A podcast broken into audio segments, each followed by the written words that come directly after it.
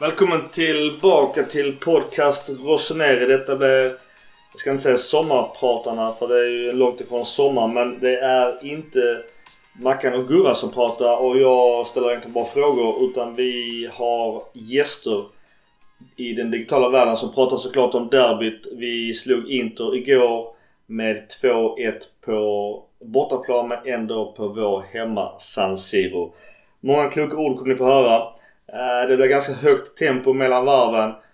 Och eh, som vanligt vill jag poängtera nätverk eh, Milan Club Svezia. De gjorde ett jättefint och varmt generöst bidrag till eh, denna podcasten och täckte webbhotellet så att vi kan fortsätta spela in. Extremt tacksamma för de personer som ligger bakom detta. Vill ni ändå skänka en krona eller två för, för jobbet eller eventuellt beröm så är det som vanligt Swish-hora 0733 16 20 57. Allt uppskattas. Annars så är det svenska fans som också är vårt eh, nätverk. Eh, men jag tycker vi kör igång avsnittet direkt och börjar med en person som är om det är tredje eller fjärde gången. Men det är sonen till legendernas legend. Välkommen igen Thomas Nordahl. Tackar så mycket. Det är en solskensdag idag. Du sov gott i natt misstänker jag?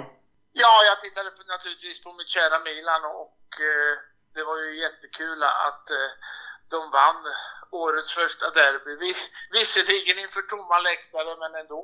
Det blev 2-1, eh, alla målen i första halvlek. Eh, vad säger du spontant om matchen och matchbilden? Ja, jag är nöjd med resultatet, men eh, Inter var ju också en bra motståndare faktiskt. Det var ju, Milan var ju ganska pressat ett tag där, men eh, man redde ut det med lite rutin där genom Romagnoli, naturligtvis Zlatan och så tyckte jag Kessler var, var riktigt duktig igår. Han jobbade otroligt mycket. Milan ledde med 2-0, eh, lite som förra derbyt. Eh, ser du någon skillnad på dagens derby igår och det derbyt? Ja, det är svårt att minnas detaljerna och så, men, men man kan väl säga som så att Milan har ju under det senaste året, jag tror det är 20 matcher de har nu utan förlust.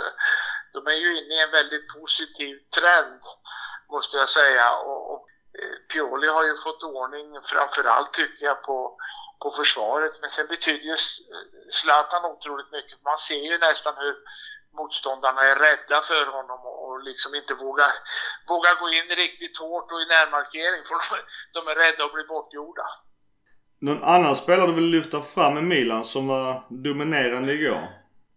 Ja, jag tyckte Leao var väldigt duktig första halvlek måste jag säga. Eh, snabb, eh, irrationell och eh, mycket, mycket bra passning där till, till, eh, till Zlatan till eh, 2-0 målet. Det, det, tycker jag, det tycker jag var bra. Annars eh, Romagnoli var ju väldigt eh, duktig och Donnarumma, den där klacken från Lukaku. Med lite tur och skicklighet så, så undvek han ju Inters kvittering där. Så att, eh, nej, Donnarumma, Romagnoli, Kessler, Zlatan naturligtvis och, och Leao tyckte jag väl var de som bar upp det hela. Milan spelar ju 4-2-3-1. Vad, vad säger du om deras uppställning och taktik i både matchen och överlag? Ja, jag tycker det, det här är ju en lek med siffror för att, för att uppställningarna varierar ju ibland när motståndaren har bollen och på vilken sida den har bollen. Jag, jag tycker Pioli har ju visat här att han har hittat en rätt formation tack vare att han har jag tycker han har bra balans i laget och resultaten pekar ju på det. Annars med Corona, vad, vad tror du betyder att spela ett derby inför tomma läktare? Jag har ju läst det, jag tittade på RAI i natt här på alla deras fotbollssändningar och, och på morgonen här har jag gått igenom italienska tidningarna. Och alla tycker väl att det här är ett mer eller mindre Ja, det är ett konstigt år.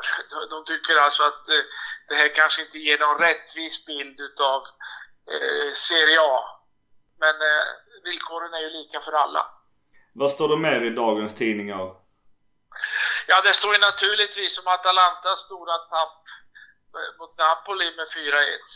Sen Lazio verkar vara inne i en liten, liten kris här. Man förlorar ju borta mot Sampdoria med 3-0. Och Inzaghi, då, tränaren, säger att eh, det var skandalöst eh, uppträdande, oacceptabelt och skandalöst uppträdande utav Lazio på bortaplan. Eh, sen är det naturligtvis rubriker om Zlatan och, och, och derbyt. Och är alla överens om att det var rättvist eller hur är medierna där nere? Ja, det beror ju på vilken tidning du läser. Men eh, nej, på, på tv-debatten och så, så var det väl det att eh, naturligtvis Zlatan står ju lite i, i centrum och, och eh, de neutrala, om vi säger så, de neutrala tyckte väl att det var ett mycket spännande derby. Tyvärr inför tomma läktare så den där riktiga stämningen infann sig aldrig.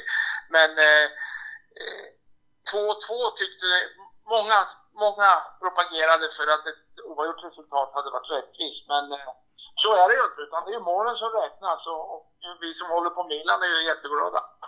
Är det någon spelare i Milan du blev lite besviken på den insatsen igår?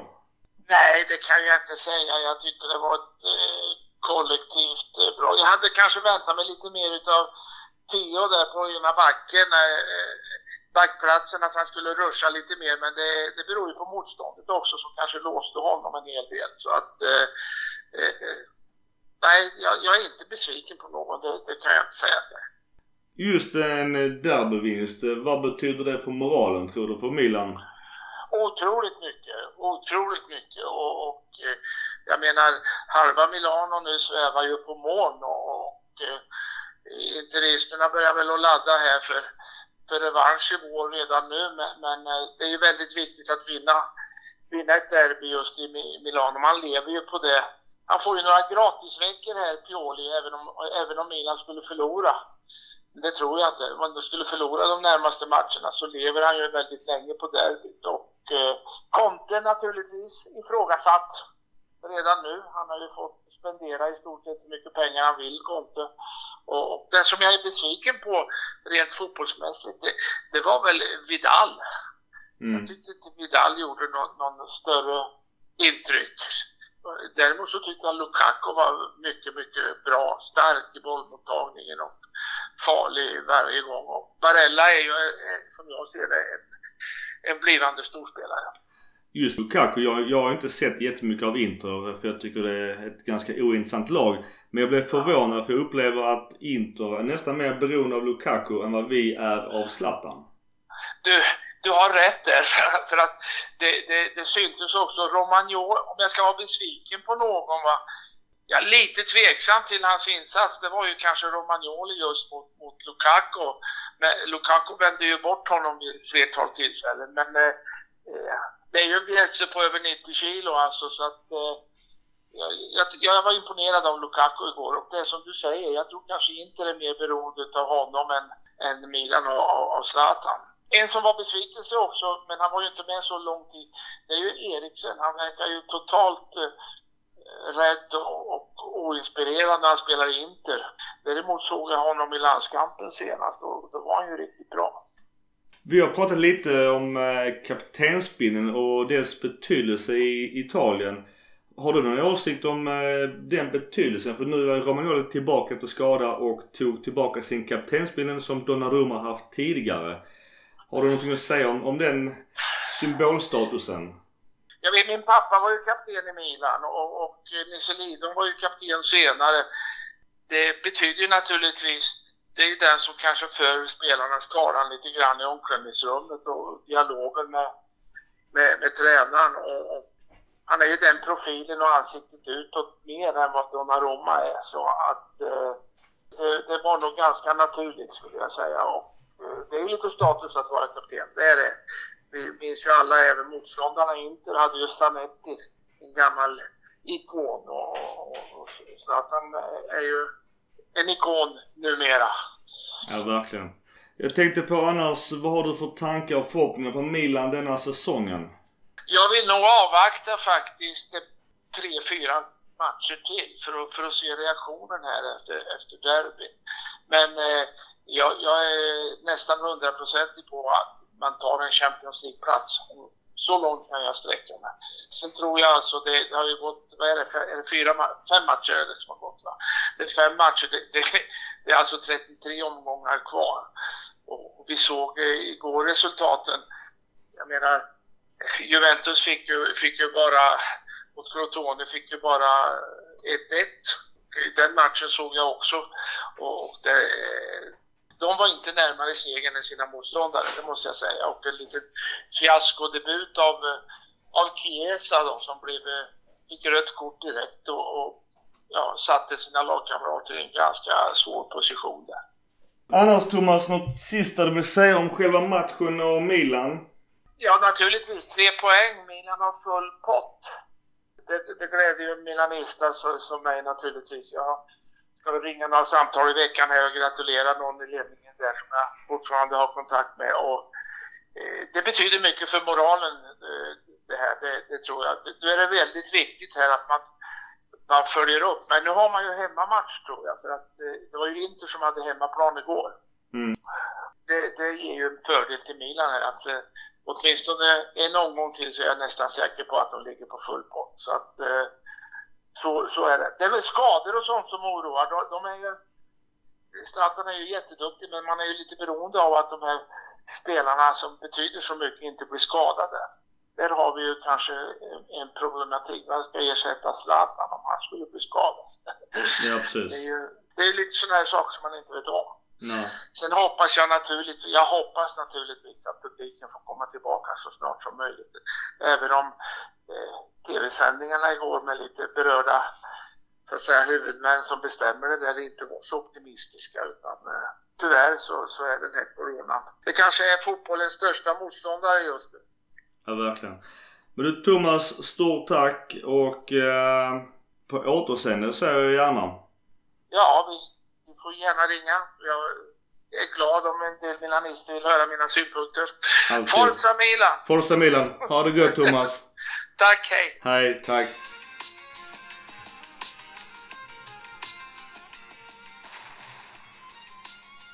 Konrad från eh, nätverket Svenska fans, välkommen! Eh, tack så mycket! Jag ska säga det också att du eh, kanske inte sov lika bra i natt som jag gjorde för att du håller ju på Inter. Ja men så är det. Eh, det var... Jag tyckte ändå att när jag försökte fundera lite på det så, så var det inte en katastrofal insats. Eh, I alla fall inte över de sista 70 minuterna. Så jag, jag tänkte väl att det var bara att ta det som en förlust och gå vidare liksom. Men vad är det som gör att Inter förlorar då? Ja, men, jag vill höra alla ursäkter nu, bara så vi drar dem på en gång. Ja, nej men exakt. Nej men igår så så kom ju eh, målen i början. Det kom ju som ett led i problemet som, som Inter har haft den här säsongen. Att yttermittbackarna, eller vad man kan säga dem. Alltså de två som spelar utanför De Vrij, de har haft det jättesvårt. Det spelar ingen roll vem det är. Om det är duktiga spelare som Skriniar eller lite sämre som Kolarov. För det, jag tycker han är inte, han är inte tillräckligt bra. Det är ett led i problemet att man, man släpper för mycket ytor, att man inte riktigt hänger med. Och det är jättesmart av Milan och av andra lag som har utnyttjat det. Eh, även Benevento gjorde ju det. Eh, men i det fallet så gjorde man ju fem mål, så då, alltså då spelar det ingen roll. Kolarov får inte spela bakom en Perisic heller, för han är ju för offensiv. För då, då blir det att Kolarov ibland får löpa 50-60 meter helt ensam. Med någon och då har han inte en chans. Det är inte heller helt hans fel, utan det är också Conte och, och, och Ivan Perisic som inte riktigt håller som wingback. Han är jättebra offensivt men eh, ja, därför tror jag att man släpper in de målen som man gör. Sen så tycker jag ju att det är ingen dålig insats av Milan. De gör precis det som behövs. Eh, jag tycker det var ju väldigt nära kvittering flera gånger men så när, när matchen var slut så tänkte jag ändå att det här kanske var nyttigt för Inter. Att man faktiskt förlorade för att man spelar som man gör defensivt. För jag har inte sett eh, Inter alls eh, av förklarliga skäl. Däremot eh, blev jag förvånad. Ett, hur extremt beroende Inter kanske, du får rätta mig om fel, är beroende av Lukaku. Utan honom så vet jag inte vad uppspelspunkten kommer att bli i Inter. Och sen som du säger att era wingbacks är ju mera yttermittfältare. Jag är jätteimponerad av han Hakimi. Eh, sjukt duktig spelare. Men det sätter ju också den här trebackslinjen helt på ändan defensivt. För det är ju inte riktigt bra balans även om Persi, eller heter det, eh, Brozovic som jag tycker är en fantastisk spelare och Vidal hade ju ingen stor match själv. Då, då blir ju de tre, och nu var det så, så, lite coronaavsteg eh, borta i backlinjen. Men mot bättre lag än Milan så kommer Inter, om de spelar som igår, bli jättestraffade i den ytan bakom era så kallade wingbacks som jag ser mer nästan som yttermittfältare. Ja, absolut. Och det, det, det blev ju straffat även mot Fiorentina och Benevento. Det var bara det att du gjorde mig nio mål på två matcher också. Ja, då är det ingen fara. Men nu fick Nej, ni två i rumpan och förlorade i derbyt. Och då måste ja. någon, alltså någonstans peka finger till Conte att det kanske är lite väl obalanserat mittfält. I alla fall på, i bredden. Jag håller helt med. Men det, man ska också göra eh, en, alltså ett erkännande och säga liksom att Milan hade ju läst sönder Inters defensiv. Så var det ju. Mm. Uh, jag har sett någon Milan-match, men jag har inte sett Milan anfalla li riktigt likadant som de gjorde när de fick sina lägen. Utan det har varit mer att man har haft bollen hela tiden och så, så har man ja, men spelat sig fram till lägen. Men nu var det mer uh, att man kanske gick lite snabbare, tyckte jag, när Milan anföll. Milan spelade annorlunda igår, jag håller med om det. Det var lite mera... Nu möter Milan ett bra Inter. Jag är jätteimponerad av, eh, som jag sa, Hakimi och Barella och, och Lukaku såklart. Fantastiska ja, spelare. Alltså Milan, är lite imponerad av Pioli att han ändrade lite. För att annars har Milan varit ett ganska spelande lag som gärna håller boll och nu blir det lite mer counter-attack. Mm. Vad har du annars att säga om matchen i sig då? Och kanske några spelare du vill lyfta till plus och minus? Jag är imponerad av eh, Milans slitvargar. Man tänker på... Eh, alltså jag, jag vågar inte uttala hans namn. Men alltså? Salamakers. Ja, ja. Kul att du eh, ger han cred för han har fått lite skit av någon konstig anledning. Han, jag, jag tyckte han eh, jobbade hårt och visade mycket men grejen är att det som är imponerande är att han, han är helt anonym spelare egentligen. Alltså det är inte många som känner till honom. Ja. Men att han, han har ändå liksom nästan blivit ordinarie i Milan väl. Ja. Så Milan har ju förlitat sig lite grann på spelare som, som kanske folk in, eller andra lag inte har sett. Eller som andra lag inte... Man tänker också på eh, Benazer, mittfältare. Mm. Det är också en spelare som, han var ju absolut duktig tidigare men det var ju, det var väl inga jättestora klubbar efter honom tror jag. Det kan vara jag som, som eh, liksom fabricerar detta här och nu, men det känns så i alla fall. Och även Simon Kjär som är bästa försvararen i Milan nu. Så. Och Theo Hernandez också. En värvning från, alltså lite från ingenstans. Man kan väl säga som så att Milan har värvat ganska smart. Så att någonstans ska ju Massara och Malini ha cred, vilket de har Vissa vill ju fortfarande ändå inte credda dem. Så det, det känns som det är lite två läger Milan. Vissa hatar Malini bara för sakens skull att han har kommit in på en räkmacka. Och vissa hyllar honom för att de har gjort det de har gjort. Eh, Såklart inte ett one man show, men det är alltid två läger som vanligt. Jag var ganska skeptisk till eh, Pioli. För att jag, jag har ju sett honom i Inter, jag har sett honom i andra klubbar också när man, när man känner liksom att det, det är en bra start alltid för honom. Det, det börjar bra, han motiverar dem, han får stabiliteten på plats. Men sen så någonstans på vägen så lyfter det inte riktigt utan man, man, är, man är kvar på en viss nivå. Och, och det är det att det, det är därför jag inte satte Milan som topp tre i år. För jag trodde inte att han skulle få dem att prestera en hel säsong. Men det vet vi inte efter fyra omgångar att det är så. Mm. Men jag tror ju att, att Milans största liksom, fiende, det är, det är honom även om det har gått bra hittills. Eller inte fiende, men största hinder mot att det ska gå riktigt, riktigt bra. Alltså igår så jag inget tecken av det, men det skulle ju kunna ha straffats sig att man gick ner lite grann när man bytte in Krunic istället för... Det var Leao ja. ja och sen även eh, Castillejo kom in istället för Salamakers. Ja, nej men det, det, var, det var lite mer eh, logiskt byte. En sån grej hade kunnat straffa sig för om, om Inter hade gjort 2-2 så hade man ju varit svagare offensivt med Krunic.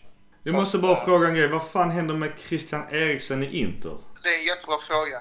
Det är mycket som har gått fel där och det kändes inte rätt från första början. Men å andra sidan så eh, tycker jag att han gör ett bra jobb igår, eh, defensivt. Det var väl någon gång när han eh, nere och avstyr ett farligt anfall och han frispelade Lukaku en gång när Inter ville ha straff. Men jag har inget att säga om det. Jag tycker inte det är straff. Men, men eh, Det är offside det dessutom. var ändå...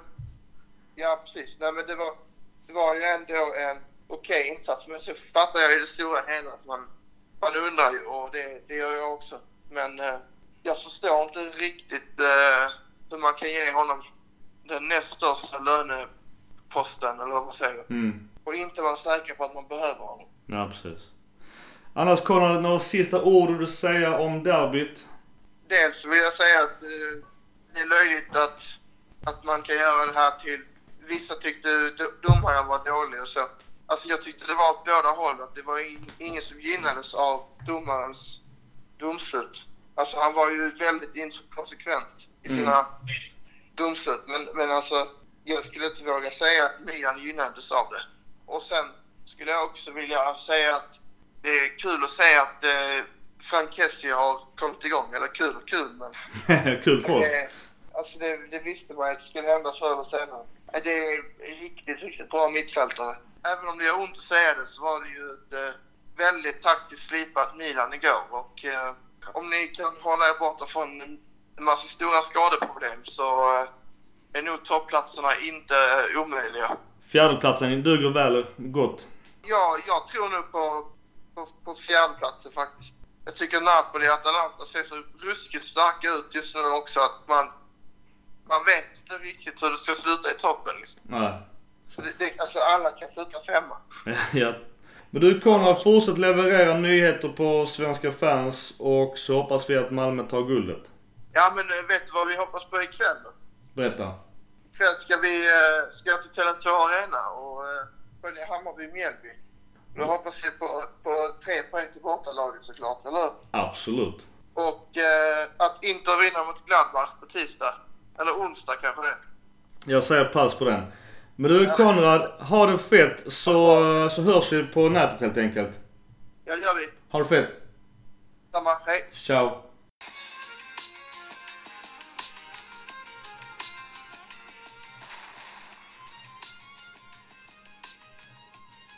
Okej, välkommen tillbaka Erik från Fotbollskanalen.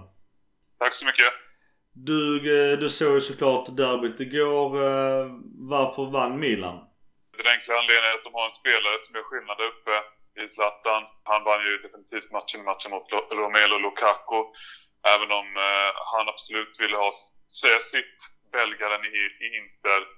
Det fungerar ju lite bättre som lag, eh, som helhet tycker jag, Milan. Framförallt under de första 30 minuterna tycker jag de sitter ihop bättre och liksom är mer potenta framåt. Om man bara liksom stycker ihop matchen i olika delar. Eh, jag tycker inte gör en okej insats allt som allt, men tycker man kan förvänta sig lite mer av slutdoseringen där. Eh, Lukaku har ett par lägen på tilläggs, tilläggstid som inte är, ja, kunde gjort någonting bättre av. Och då, så här, hade det blivit kryss så hade väl egentligen, man kan inte kunna säga att det var oavgjort, för det var en, eller orättvist ska jag säga. För det var en ganska jämn match, men eh, jag känner ändå att den höjden Milan visade där nästan 30 minuter i första halvlek, den eh, såg väldigt fin ut och eh, på, på så sätt så tycker jag inte det var eh, så, så var det ganska logisk, eh, ett logiskt resultat. Milan spelar ju sitt 4-2-3-1 numera hela tiden och med en fyrbackslinje. Inter kör en trebackslinje med väldigt höga wingbacks. Eh, vad ser du matchen i matchen där? Det var väldigt intressant med eh, Theo Hernandez mot Hakimi. Theo gör ju lite defensiva mitt, eller han, alltså hans defensiva brister blottas ju några gånger tycker jag. Tycker ändå han par- parerade ganska bra. Liksom det, han kommer undan med godkänt. Eh, kanske liksom måste dra igen, hålla igen på off- offensiven en sån här match. Eh, så det var, det var en jättekul duell, att följa. Eh, sen är ju Leao framgångsrik mot, eh, vem är det han har där på Ambrosio. D'Ambrosio, ja precis. Eh, Framförallt där vid eh, 2-0 målet. Ja, bristerna där kan man säga som Inter, eller det, det, det blev ju lite så med sjukdomsläget i Inter att de eh, fick spela de här tre... Det, det, man märker ju att Milan har lärt sig spela mycket snabbare under Pioli. Det är mycket mer eh, raka anfall. Det var väl precis det som skedde vid eh, 1-0 målet där. Att liksom det är två, inte, inte så många, eller det kan vara 2-0 målet. Det, det, det, det börjar på egen planhalva och sen går det väldigt snabbt. Sen såklart, alltså inte spela med två Kolarov har såklart spelat in och eh, lite, lite grann. Dambrosio lite mer har jag för mig. Eh, centralt i en trebackslinje. Men eh, man, det syns ju att det är inte deras bästa positioner. Och eh, ja, och då hade inte liksom De heller en jättebra match. Eh, och den hade en svår match framförallt mot Zlatan. Maxutdelning eh, egentligen för, eh, för Milan är sett till vad de fick möta liksom, eh, vilken typ av backlinje, tycker jag. Är det någon spelare som utmärker sig positivt eller negativt i båda lagen? Jag tycker väl att Dambros, eller förlåt, Brozovic kommer eh, väl inte upp i den vanliga... Jag tycker inte man ser han så mycket i matchen. Eh, lite, grann, lite, lite grann lite samma med eh, Vidal. Förutom de här två olyckspellarna jag redan nämnt i Dembrosi och Kolarov. Alla förstår ju att de inte hade någon bra match. Men eh, hade mycket högre förväntningar på framförallt på Brozovic. Eh, och han brukar väl diktera spelet i vanligtvis i Inter. Eh, och det syntes i matchen igenom att de hade problem att eh, liksom skapa tillräckligt mycket kreativt via centrala, centralt mittfält. Väldigt mycket hängde ju nu på att boll, skicka upp bollen till Lautaro och Lukaku där uppe. Och ja, det, det kan vara en fungerande taktik, absolut, med den kvaliteten som de har, de har anfallsmässigt med, i de två. Men eh, framförallt var jag besviken på eh, Brozovic där. Eh, som, ja, jag har redan hyllat de här två anfallarna. Jag tycker Lukaku är jätte, jättebra. Det, det, det är väl inte bara tillfällighet att han inte får göra lika många mål som Zlatan, men det är såklart en del... Jag vet inte om man ska kalla det klass mellan de spelarna, för att det är klart att eh, belgaren är ju hetare kanske om man ser hela 2020. Men eh, det, ja, det var häftig match, match faktiskt. Eh, I Milan tycker jag att eh, alltså det var väldigt mycket en laginsats, men jag gillar ju hur, eh, förutom Zlatan, hur Kessi kommit in och liksom verkligen hittat sin roll i laget eh, ihop med Benazer. Det är nästan helt, det är en helt annan spelare som fått en helt mycket klarare, tydligare riktlinje jämfört med för ett år sedan eh, i Milan. Och eh, ja, jag undrar lite med Tonali, liksom det, det här inom mitt innermittfältsparet är ju inte något man kan väl rucka på i första hand när, när, det, när det går så bra för Milan. Ja, ja det blir tufft för Tonali att slå sig in där men det är väl rotationen kanske andra matcher men jag, jag är helt med dig. De två och, och även de två mittbackarna, den defensiva fyrkanten är ju extremt bra under 2020. Verkligen, verkligen. Ja, nej men eh, Tonali måste ju in i laget på något sätt och det blir väl som du säger en slags... Alltså in, får ju spela in honom. Man får ju ha åldern i beaktning också. Att han är bara 20 år och att det behöver inte bli en ordinarie säsong direkt i ett, stor, i ett storlag såklart. Men eh, ja, även liksom en sån som Kjär har ju verkligen visat vilken bra värvning det har varit eh, med den rutinen han haft. Eh, den, den duellen var han ju också ganska klart mot eh, motparten i den, på den danska sidan Inter. Det var ju inte en kul kväll Christian Eriksen hade i sitt inhopp. Just eh, Kjär och Zlatan som ofta nämns och, och synnerhet idag. Man blev lite förvånad över att det var inte jättelänge sedan det hördes röster om att Milan inte skulle varken förlänga eller köpa loss de här två spelarna. Och jag undrar liksom hur tänker dessa så kallade allt från experter till oss hobbyfantaster i soffan när man har sagt en sån sak och ser deras utveckling sen dess? I Kjärs fall så tror jag det fortfarande hänger kvar den här förra hösten i Atalanta. Att, han inte fick, att det inte alls gick som han tänkte där. Eh, sen har han ju varit bra liksom under det här året. Eh, men man, ja, jag antar att man kollar på ålder och sådär. Eh, lyfter väl en... Ja, jag, vet inte, jag vet inte vad hög lön är i Milan nu med tanke på vilka löner vi sitter på och, och satt på tidigare. Men eh, ja, eh, det gjorde du ju helt rätt i att förlänga eh, Zlatan, ja, det är som sagt, det känns som att det var mer, ja men lönen återigen där, att det var ju mer eh, hans, han, han hade ju sina klara, tydliga krav på hur mycket han, han ville tjäna och sådär. Det, det, det är väl, går ju kopplat till tränardiskussionen också, att det inte blev Rangnick såklart. Och, Eh, hade Ragnhild varit där så då hade man ju haft ett argument för att liksom ta sig iväg till Zlatan på något sätt. Eh, nu blev det inte så. Nu var det väl ganska självklart att han skulle få fortsätta vara en central gestalt i laget.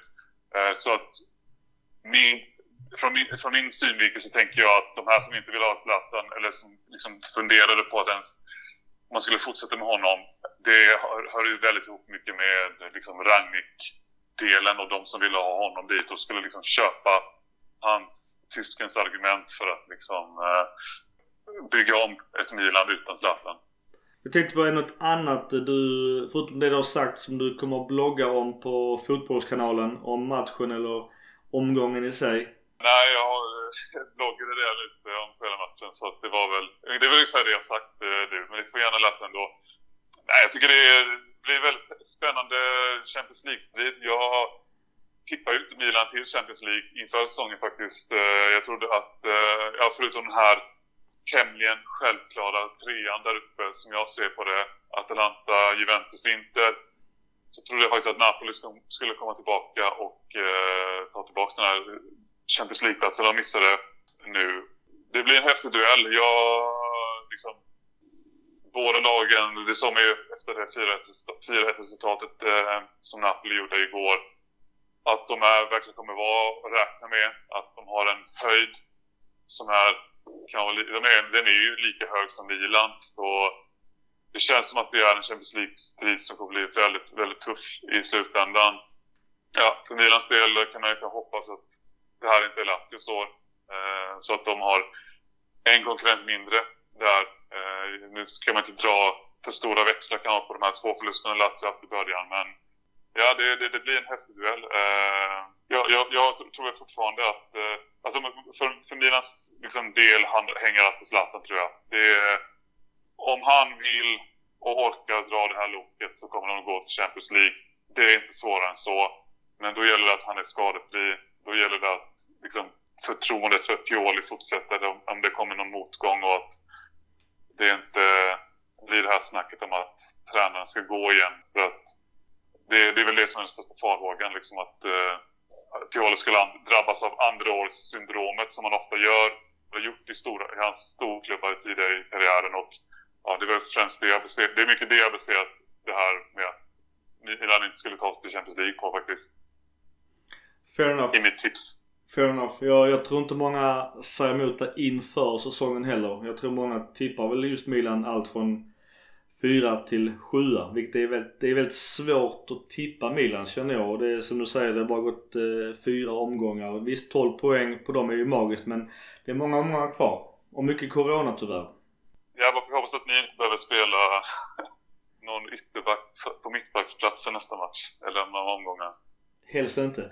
Erik, eh, stort tack och fortsätt eh, blogga kloka saker på Fotbollskanalen. Det är mitt bästa. Tack Super. för att du var med. Ha det fett Erik. Vi ses. Detsamma. Ciao. Ciao.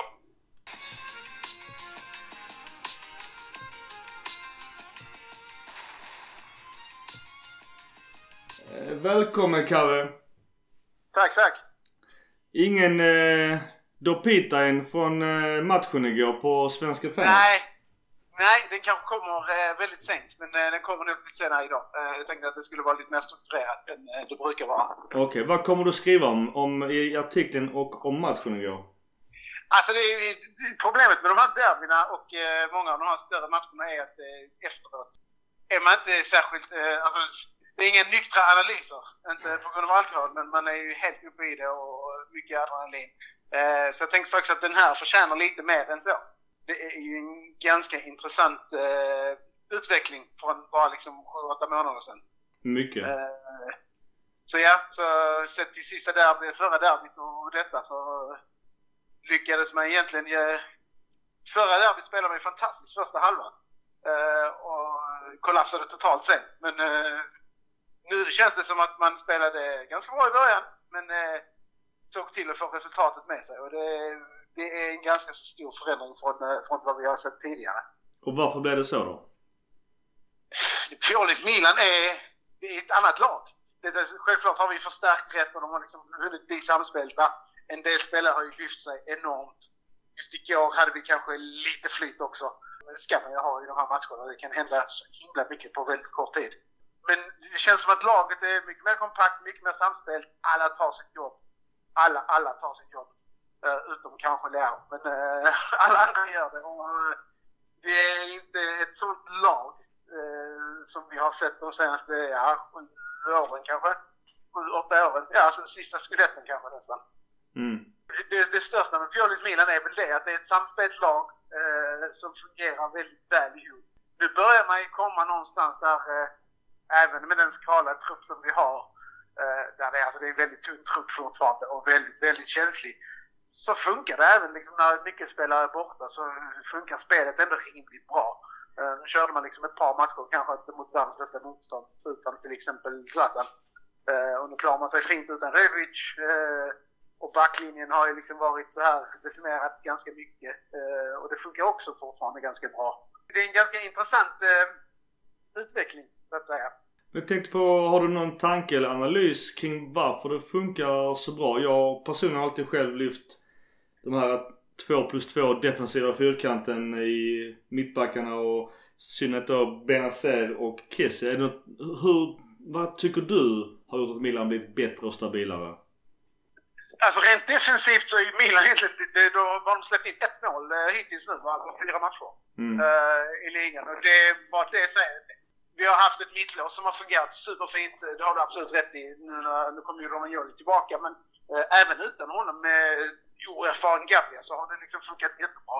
Det, för mig är det väldigt mycket att eh, vissa spelare har lyft sig under Pioli och inte så, så mycket att eh, vi har liksom hittat på ett nytt spelsystem och så. Men det, vissa spelare har hittat sin roll, kommit på plats, eh, mognat en del.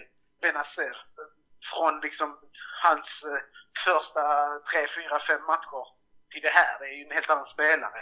Kessie som hade världens svacka från det att han var egentligen gjorde en jättebra säsong till att han hade världens svacka och man ville liksom nästan dumpa honom och göra, göra sig av med honom för småpengar. Mm. Till att han liksom dominerar fullständigt på mittfältet. Och inte bara för att han är stark. Han står rätt, han löper rätt. Han är med ibland i offensiven, han tar enkla beslut i offensiven som var en stor svaghet. Så de här individerna har utvecklats enormt under Pioli. Jag tror, jag tror inte man kan förvänta sig mycket mer av en spelare som Kissi. Jag tror inte han kan bli bättre.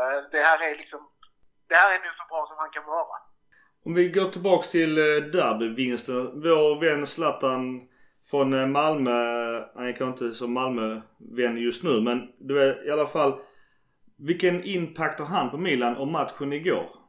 Först och främst sett till att han kommer liksom tillbaka från, eh, från sjukdom och eh, var egentligen inte supermatchtränad liksom, även innan han blev sjuk. Kommer tillbaka, har spelat helt derby och är helt slut i slutet där. Men, och avgör med två mål. Målen är väl i sig liksom inget... Hade någon annan fått de lägena så hade det eh, högst sannolikt också blivit mål.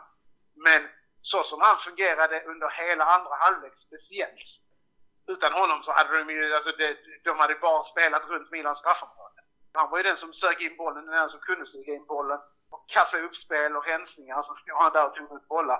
Hans, eh, hans närvaro på planen rent spelmässigt, det, det, jag tror inte det kan eh, alltså man kan inte eh, säga för lite om den. Det var, han, han hade väldigt stor betydelse för Milan igår. Speciellt för att han var den enda som kunde liksom stå och bufflas med mittbackarna, ta emot bollar, hålla in den, väl enkelt ibland. Defensiva fasta som vanligt liksom. nickar bort hälften av dem gör ju han. Sen så är det, vet du inte, hans ledaregenskaper har ju, det har ju ältats fram och tillbaka. Eh, och det vet man ju egentligen inte hur, hur stor del den har. Men det är inget snack om att sen han kom till Milan så har folk liksom ändrat attityd ganska så markant. Och just igår så var det jättemärkbart liksom. Och bara det att han får göra två mål eh, säger ju det. Just Zlatan då. Vi är lite beroende av honom såklart och det har varit mycket diskussion om vad händer om Zlatan är borta. Ni på Milan-redaktionen, Svenska fans, eh, har, vad, vad, tycker ni är vår ersättare här och nu? Och sen vad, jag förstår att det kanske köps in någonting i januari beroende på resultatet men Men Leo, Rebic, Colombo, vad, vad, vad, vad tycker du? Alltså just som, så som Milan spelar nu så måste det nästan vara Colombo. Eh, ser man liksom till eh, statistik och sunt förnuft borde kanske vara Rebic eh, om han nu blir frisk någon gång liksom på grund av att han fan kan faktiskt spela centralt och han har liksom producerat en hel del poäng också från den positionen. Men Milan behöver någon eh, lite starkare spelspunkt eh, som, som man kan använda sig av när det liksom blir jobbigt. Som det var igår stundtals. Eh, och det kan inte Rebic. Eh, Rebic är väl mer en som liksom river och sliter och kanske kör djupled. Leao. Jag är inte världens största supporter av Leao även om han liksom har sina absoluta kvaliteter. Så är han absolut inte mogen för att axla den rollen. Eh, absolut inte. Du behöver någon med, liksom, med, sådär, med lite styrka, en del tekniska kvaliteter kunna liksom hålla i bollen. Det är det minsta vi behöver. Annars eh, lite kritiserade spelare är vår högerflank i Calabria och Sälenmäkers. Hur tyckte du att de skötte sig igår och överlag eh, säsongsupptakten? Ska, man, alltså ska vi börja med ställena kanske kan vi så kan jag tycka att det är, det är liksom en högst i, i grunden en högst begränsad spelare. Uh, han har väl speed och han har absolut den här viljan att arbeta och kämpa uh, och göra sitt för laget. Uh, jag förstår att tränarna älskar honom. Han spelar väldigt enkelt och just det gör ju att många gånger så stannar liksom anfallen upp lite grann för att han stannar upp när han egentligen borde utmana. Eh, det är det man förväntar sig i den positionen. Eh, han borde utmana mer, han borde ta sig friheter men han är, känns som att han fortfarande är lite, lite rädd för att liksom slå bort bollar, misslyckas, slå dåliga inlägg. Och det hindrar honom lite grann i hans utveckling tror jag. Men han sköter ju sin uppgift absolut okej. Okay. Och för vad det nu var, 3-4 miljoner euro så är han ju ett kap liksom att ha i truppen. Eh, och han kommer inte gnälla om han blir petad heller. Så att, och han har skött sig ganska bra nu. Det borde inte vara en startspelare i Milan. Inte som han är nu. Men han har skött sig absolut fint. Men eh, Calabria är en helt annan spelare den här säsongen än vad han var förra. Han verkar liksom ha vuxit till sig, alltså både rent fysiskt men också hans positionsspel fantastiskt och så börjar han liksom ta rätt beslut. Eh, till skillnad från förra säsongen. Han var ju också en av dem som liksom stod på plankan och kanske skulle liksom offras. Och sett till hur han har varit de här första matcherna så är det världens tur att man inte gjorde av med honom. Eh, det, han har varit fantastisk på. I första halvlek igår var han jätte, jättebra. Annars matchen och matchen på förhand, det var ju andra sidan Hakimi mot vår eh, Teo. Vad, vad säger du om den matchen i matchen? Han hade ju inte lätt Teo med Hakimi. Uh, han blev ganska så tillbakatryckt också. Uh, kunde liksom egentligen uh, trycka fram när han själv hade bollen i princip Teo. Så jag tror att hans utgångsposition var ju mycket lägre på grund av att just Hakimi var där. Och det känns som att Hakimi just nu, det är en fantastisk spelare. Och jag tror att han kan nog göra, inte lite som han vill, men han eh, har nog ett övertag på de allra, allra, allra flesta försvararna eh, i Serie A. Eh, men jag tycker Theo klarar den rollen ganska bra. Han har sin fysik i det eh, och han har ju han har ju definitivt snabbheten också med sig. Eh, även om han, den kanske inte kan mäta sig med honom. Och det kompenserar han för ganska bra. Men han var ju illa ute ett par gånger och han blev bortgjord någon gång också ganska rejält. Det, det tror jag inte, alltså jag hade inte kunnat förvänta mig mer av honom eh, på den positionen. För Hakim är inte att leka med på den kanten. Annars summa summarum var det rättvist med vinst igår? Såklart! Vi vann ju, men... Eh, ja, det är klart vi hade flyt. Klart vi hade flyt. Inte hade ganska bra många eh, chanser eh, att kvittera. Som de inte tog och det, det är väl så det är. Eh, jag ska, inte, jag ska inte sticka under stol med att eh, det, hade mycket väl kunnat eh, bli både 2-2 och andra resultat. Men jag tycker liksom sett till hur Milan hanterade matchen som helhet att man gick ut ganska hårt. Såg till att få utdelning ganska så snabbt på det ena två gånger. Och sen så kontrollerar man stora delar av matchen. Men när, när tröttheten börjar göra sig påmind och man har spelare som Lukaku som liksom han är svårhanterad även om han är pigg och i sin bästa livsform. Så, så började det bli tufft eh, och han borde absolut kanske fler. Eh, så vi, vi hade lite flyt men eh, på det stora hela, det är ingen som kan klaga på att det blev 2 i Milan. Det är ingen som kan säga att det var ett rån eller att det var jätteorättvist på något sätt. jag är jättenöjd med att vi får resultat snarare än spelet i sig. sen är Inter en av de absolut starkaste trupperna i Serie A så att, det är ju också en ganska så bra värdemätare för Milan att man kommer in och fortsätter på den fina form som man har haft. Eh, även, eh, eller även mot de här lagen, förlåt. Du, stort tack och jag ser fram emot att läsa kommande artikel. Super. Tack själv. Ha det fett så hörs vi som vanligt. Det gör vi. Ha det gott Micke. Samma. Ciao.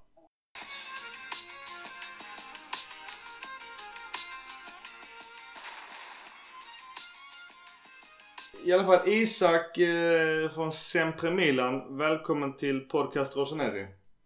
Tack så jättemycket. Och jag har faktiskt bjudit in eh, en av, av era podcastkillar. Eh, Jävligt sköna snubbar också. Kloka killar. Men i alla fall till matchen i sig. Uh, vad, vad säger du om gårdagens vinst mot Inter hem, borta? Jag blev väldigt imponerad i alla fall. Framförallt, vi släppte ju in ganska tidigt ändå får man ändå säga, på ett målet. Eh, så jag var väldigt imponerad av att vi lyckades ändå försvara ledningen som vi gjorde med tanke på att ja, men Inter har Lukaku och Lautaro på topp och de brukar ju kombinera där och det gjorde de ju också under matchen. Men ja, Chiaro och Romagnoli vann den duellen helt enkelt. Ja, även om Zlatan helt, var helt sanslöst bra, eh, får man ändå säga, så vill jag ändå hylla försvarsspelet. Alltså, för det tyckte jag var ja, väldigt bra. Just eh, jag har ju sagt det tidigare även till andra som jag pratat med idag. Just det här eh, den defensiva med Kjär, Romagnoli, Kessi och Benazzo. Jag uppfattar lite som att det är lite den fyrkanten som har satt Milans grund och trygghet. Hur är din upplevelse av dagens Milan? Ja, men det får man väl ändå säga. Benazer är ju såklart jätteviktig eh, i anfallsspelet och defensiven. Han brukar ju styra och ställa ganska mycket och sen har Kessie, han har ju energi eh, som ingen annan. Eh, så att det är klart det är jätteviktigt att ha Kessie just i försvarsspelet med sin styrka och det såg vi i många dueller igår också. Att han, ja, han lyckades stänga ner många spelare och även Benazer lyckades sköta Barella väldigt bra. Han fick inte alls mycket yta. Så att, nej, även om eh, mittbackarna såklart eh, måste hyllas. Eh, ja, det är ju som du säger, mittfältarna, de sittande mittfältarna är jätte, jätteviktiga för Milan. Och det är, det är liksom ett bra exempel. Det är därför Sandro Tonali inte fått spela än. Så att, eh, jag har full förståelse för att Kessie och Benazer fortfarande får starta och Tonali får vänta lite. Så. Det är ju väldigt svårt att peta någon av dem när det väl kommer till en stormatch. Ja, men precis. Men det, så är det verkligen. Alltså, de, har, de eh, fungerar otroligt bra tillsammans och det fungerar jätte, jättebra i, med Milans spel eh, som helhet. Så att, ja, det är som du säger, det är otroligt svårt att peta dem i nuläget. Annars har vi ju haft en ganska kritiserad högerkant eh, i Calabria och bland annat Selemakers. Hur tyckte du att de skötte sin uppgift igår? Just igår tyckte de, eh, ja men eh, helt klart godkänt. Selemakers framförallt tyckte jag var väldigt bra. Han, ja som du säger, han har fått mycket kritik i, sen han kom. Men jag tycker ändå att han var väldigt nyttig för, ja men just hur Milan spelar. Han springer väldigt mycket, täcker många ytor och igår såg vi ändå vid andra målet hur han på ett väldigt enkelt sätt kunde ta sig förbi inte-försvarare med en snygg dragning och sätta upp hela anfallet i stort sett. Så att, eh, just Sellenberger tycker jag har tagit många stora steg nu på sistone och eh, Calabria har ju ja, men på något sätt hittat tillbaka till den eh, form vi såg under Gattuso när han ändå var stabil. Och, så nej, högerkanten har jag inte några direkta klagomål om. Den kan man väl diskutera hur Sälenbackers kommer funka som ytter i längden. Men just nu tycker jag han fungerar väldigt bra som Milan-spel. Och den andra sidan, vi startade med Leao och där bakom eh, i Theo Hernandez. Hur tyckte du att de sköt sig i matchen igår mot Inter? Eh, Leao blev jag väldigt eh, överraskad av, måste jag ändå säga. Han har ju haft lite motigt ändå här i, när han har kommit tillbaka från eh, covid och så. så. Eh, just hans speed var ju otroligt viktigt att ha på kanten mot eh, De Ambrosio som inte alls eh, kom in i matchen. Han brukar ju annars vara ganska bra i derbyn men eh, Leao hade ju ett klart övertag på honom. Så att, Leao är jag väldigt nöjd med från igår. Men eh, Theo Hernandez tyckte jag, han, det var nog hans sämsta match på ett bra tag faktiskt. Även om han, ja visst han klarade sig godkänt i defensiven men eh, offensivt så var det många slarviga touch och så sätt. Han fick inte riktigt ut det som vi brukar se men det Sen har vi blivit vana vid att han är väldigt, väldigt bra också, så att man får inte bli alltför bortskämd. Men nej, stabil insats skulle jag säga egentligen från hela laget. Det är ju lite hans eh, position när just deras mål kommer från. När han lite bolltittare när Lukaku bakom kan bara raka in en öppet mål. Ja men precis. Ja, det, det, det vet jag också sen innan att hans eh, svaghet är ju defensiven så är det bara. Men eh, vi har ändå sett att han har han har faktiskt eh, ja, man har blivit bättre på att försvara helt enkelt. Eh, även om vi kanske inte fick se så mycket av det igår så är det, det är en klar förbättring. Men ja, just på deras mål där också tror jag Donnarumma inte riktigt nöjd med sitt ingripande. Så att, även om Hernandez kanske skulle ha stått bättre där så tror jag ändå Donnarumma egentligen hade kunnat styra bort den bollen. Men det spelar inte så stor roll nu i slutändan. Ändå. Annars vår supersvensk på topp eh, gör båda målen. Vad säger du om hans insats och hans vad ska man säga, allt från impact eh, överlag för Milan och både matchen igår och eh, över hela säsongen kommande? Även just igår var han ju helt dominant skulle jag säga i matchen. Visst, han gör två mål och det är klart att det är det som gör att Milan vinner matchen i slutändan. Men han är ju också otroligt delaktig i uppspelet och i ja, men egentligen alla faser av eh, matchen skulle jag säga igår. Så att, eh, han, eh, nu hjälptes vi såklart lite av att både Bastoni och Skriniar inte fanns med i startelvan men eh, Ibrahimovic var ju helt överlägsen mot Inters försvar. Så att, och det är väl egentligen ett bra exempel på att eh, utan Ibrahimovic så det blir en helt annan grej. När vi såg nu när han var borta på grund av covid så ja, men det fanns inte samma uppspelspunkt och man hade inte en lika bra avslutare på topp helt enkelt. Så att, nej, han, det är klart han är superviktig och eh, den vinnarmentalitet som han har ja, fått in i det här laget är såklart en stor grund skulle jag säga till att eh, det går så extremt bra. Och då är frågan, vad gör vi och vem spelar om inte Zlatan spelar? Ja, det är en väldigt tuff fråga. Så nu har vi i och för sig, skulle jag säga, ganska många bra alternativ. Colombo kanske inte är riktigt redo än, men eh, jag hade väl personligen satt kanske flyttat upp, antingen flyttat upp Rebic eller flyttat upp Leao. Eh, förmodligen Leao, för jag tycker att Rebic eh, inte alls får ut lika mycket när han spelar som striker, så då kan man ha Rebic på vänsterkanten och Leao eh, på topp. Så att, eh, det är klart att det är ett tapp att inte ha Ibrahimovic i laget, men eh, om det verkligen är så att han inte kan spela så eh, tycker jag ändå man har hyfsat bra lösning. Annars så eh, slutplädering här med derbyt. Har du en avgörande faktor till varför vi vann derbyt borta mot Inter? Vi har tjänat rätt mycket på att vi inte har gjort så många ändringar ändå i, under transferfönstret. Och Pioli och Maldini, ja, de har satsat på det som har gått väldigt bra medan Inter kanske gjort lite mer ändringar. Det har vi sett nu under början av säsongen också att Inter, de har inte varit lika bra i defensiven som vi är vana vid att se. Så att, eh, men att Milan har fortsatt på det som, de, som har fungerat helt enkelt. Och det är klart man ska göra det. Så att, nej, eh, det som man har gjort under de senaste månaderna har, det har bara blivit bättre och bättre. Så att, eh, jag tror att eh, om man jämför med förra gången vi mötte Inter, då var vi, visst vi var bra då, vi var i en bra fas, men vi var inte alls lika redo mentalt som vi var nu. Så att, eh, det är nog mycket tack vare den mentala biten och ja, helt enkelt att vi har ja, vi har blivit mycket bättre. Isak, stort tack och hälsa redaktionen på Sempre Milan. Det ska jag göra. Tack så mycket. Ha det gott Isak, vi ses. Ha det gött. Ciao. Hej.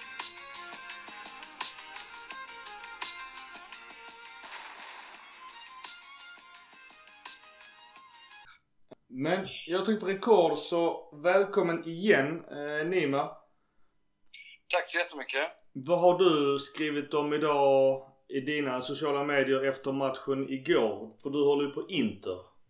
Mm, jag jobbar, jag, jag håller på Inter, jag jobbar med Inter. Jag har bevakat Inter varje dag i åtta år eh, nu. Så att, eh, nej, vad jag har liksom, vad vi har gjort, jag har vi rapporterat det på semperinter.com där vi rapporterar om Inter hela tiden och där har vi varit väldigt mycket det, det, det är inte alltså det, det överväldigande kontentan och summan av kardemumman, eller kontentan av det hela, det är ju det att eh, enorm besvikelse bland många eh, över, över, över förlusten. Inte, inte för att man förlorade, utan på grund av att man gav bort den här derbysegern Eh, som många känner och att allt det där ligger på Antonio Contes bord. Och som mig, jag är inte lika besviken, utan det är mer sådär att jag visste att det här skulle ske. Jag, jag hade tippat 4-1 i Milan innan matchen, för jag var riktigt orolig. Jag tycker Inter ser riktigt, riktigt, riktigt dåligt ut i Inter-lägret och Inter är otroligt obalanserade. Och oh, inte i harmoni, medan i Milan är det precis tvärtom. Det är knappt som man tror att det här är samma Milan för bara sex månader sedan. Liksom. De har gått en nästan Napoli-vändning, eh, hur läget är i Milan nu kontra sex månader sedan. Om man jämför Napoli med ja, ett år sedan under Ancelotti jämfört med nu. Eh, så det är, det är de två lagen, så alltså det är helt sjukt om man jämför de två lagen. Eh, alltså om man jämför de två lagen med bara ett år eller sex månader bakåt. Hur, hur, hur annorlunda det är och hur mycket bättre det är. Eh, och i Inter är det precis tvärtom. Det har varit kaos ända sedan, ända sedan efter Atalanta-matchen och det kaoset är Antonio Conte och roten till och eh, orsaken bakom. Och eh, sen när han får som han vill liksom, så, så har det inte gått som det ska, vilket man kunde, vilket man, vilket man kunde räknat ut med arslet och en röd krita, som en eh, före detta lärare till mig brukar säga när vi sa dumma saker under lektionerna. Att det där kan du räkna ut med arslet och en röd krita. Eh, men eh, lite grann så är det. Och en av de grejerna är att spela Alexander Kolarov som mittback vid 35 års ålder under 2020, alltså 2000, 2020. Det är, det är så otroligt korkat. Eh, och att han dessutom är så otroligt envis och enveten att han inte kan erkänna att han har fel utan efter matchen går dubblar, liksom double down och säger nej, nej, nej, Kolarovs position är vänster mittback när det är uppenbart för alla som har ett par som är fungerande hörsel och syn att det absolut inte, inte funkar.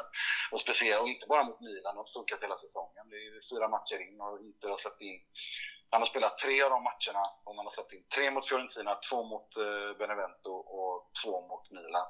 Det är sju mål på tre matcher när han spelar. Eh, och alla ser det. All, alla ser det, förutom Antonio Conte som har förvandlat det här lite till prestige, prestigegrej. Men ehm, ja, det, det är som det är. Just Antonio Conte, alla vet ju vad han tjänar idag. Och nu är jag lite elak men det var lite det man hoppades på att Conte skulle bli den här narcissisten som han är. Vilket blev ett problem för Inter. Men jag kan tycka någonstans det du sa också. Där med balansering. Jag ser inte jättemycket av Inter. Så rätta mig om jag har fel.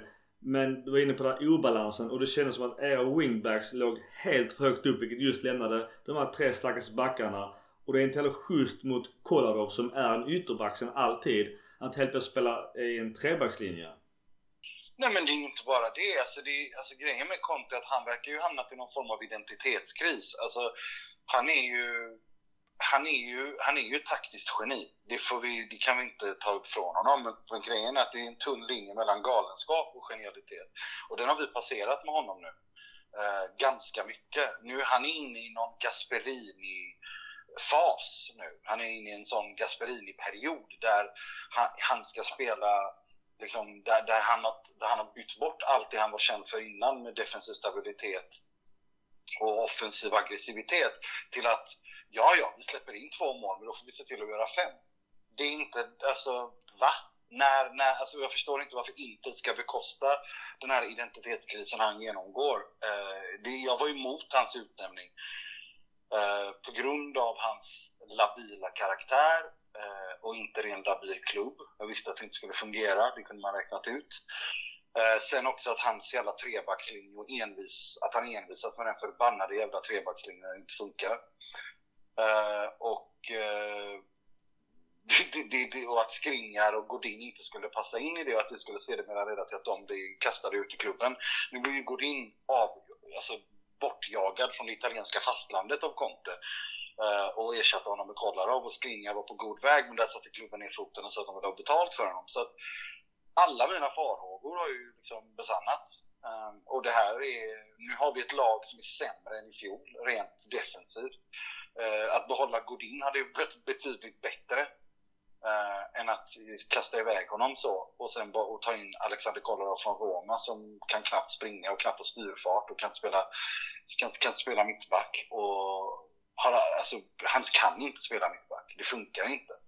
Och när han spelade för Serbien så är Serbien balanserade på ett annat sätt så att de kan täcka upp för hans brister. Men Inter, alltså, Inter är så obalanserade i mittfältet så att det finns inte och det gör att det blir en autostrada Eh, för folk att attackera. Alla lag att attackera på den vänsterkanten och det är, ja, det är så dumt så att det är, det, är så, det är dumt, det är onödigt och det är återigen 12 miljoner euro netto per år ska inte betala för att bekosta det här, det här, det här vansinnesprojektet av en man som uppenbarligen har någon form av identitetskris och håller på liksom att göra en audition för sitt nästa jobb som han verkar tro ska vara PSG. Titta på mig, jag kan visst spela sådär lite galet som Thomas Tuchel gör.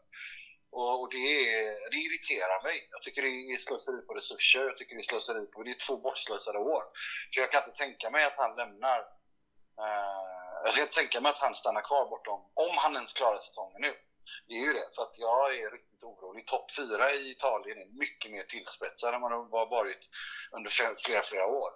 Napoli, Juve, Atalanta, Inter, Milan, eh, Roma. Det är lag som kom, kommer att kämpa om de fyra platserna.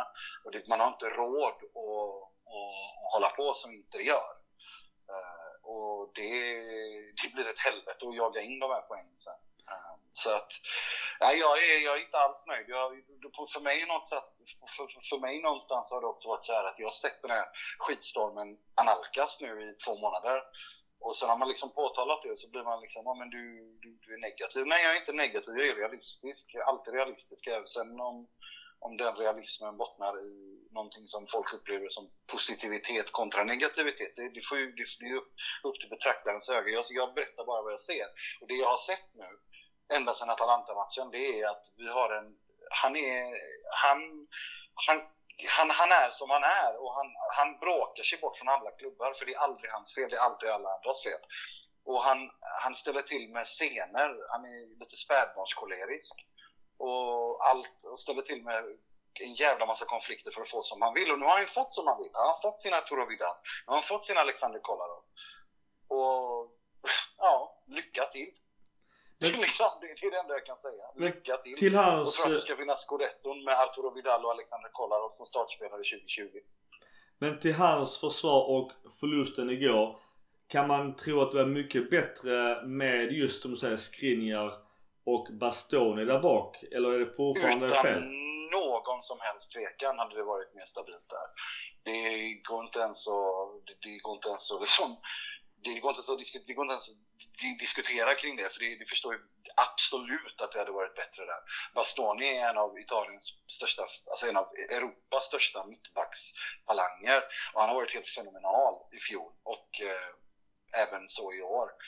Eh, det lilla han spelat, så absolut, där ska han spela. Och Skriniar mot Lazio var riktigt bra, framförallt i första halvlek. Så han har ju börjat ta sig, han, bör, han har liksom börjat passa, passa, sig, passa, passa in i och anpassa sig till den här förbannade trebackslinjen som Conte insisterar att spela med.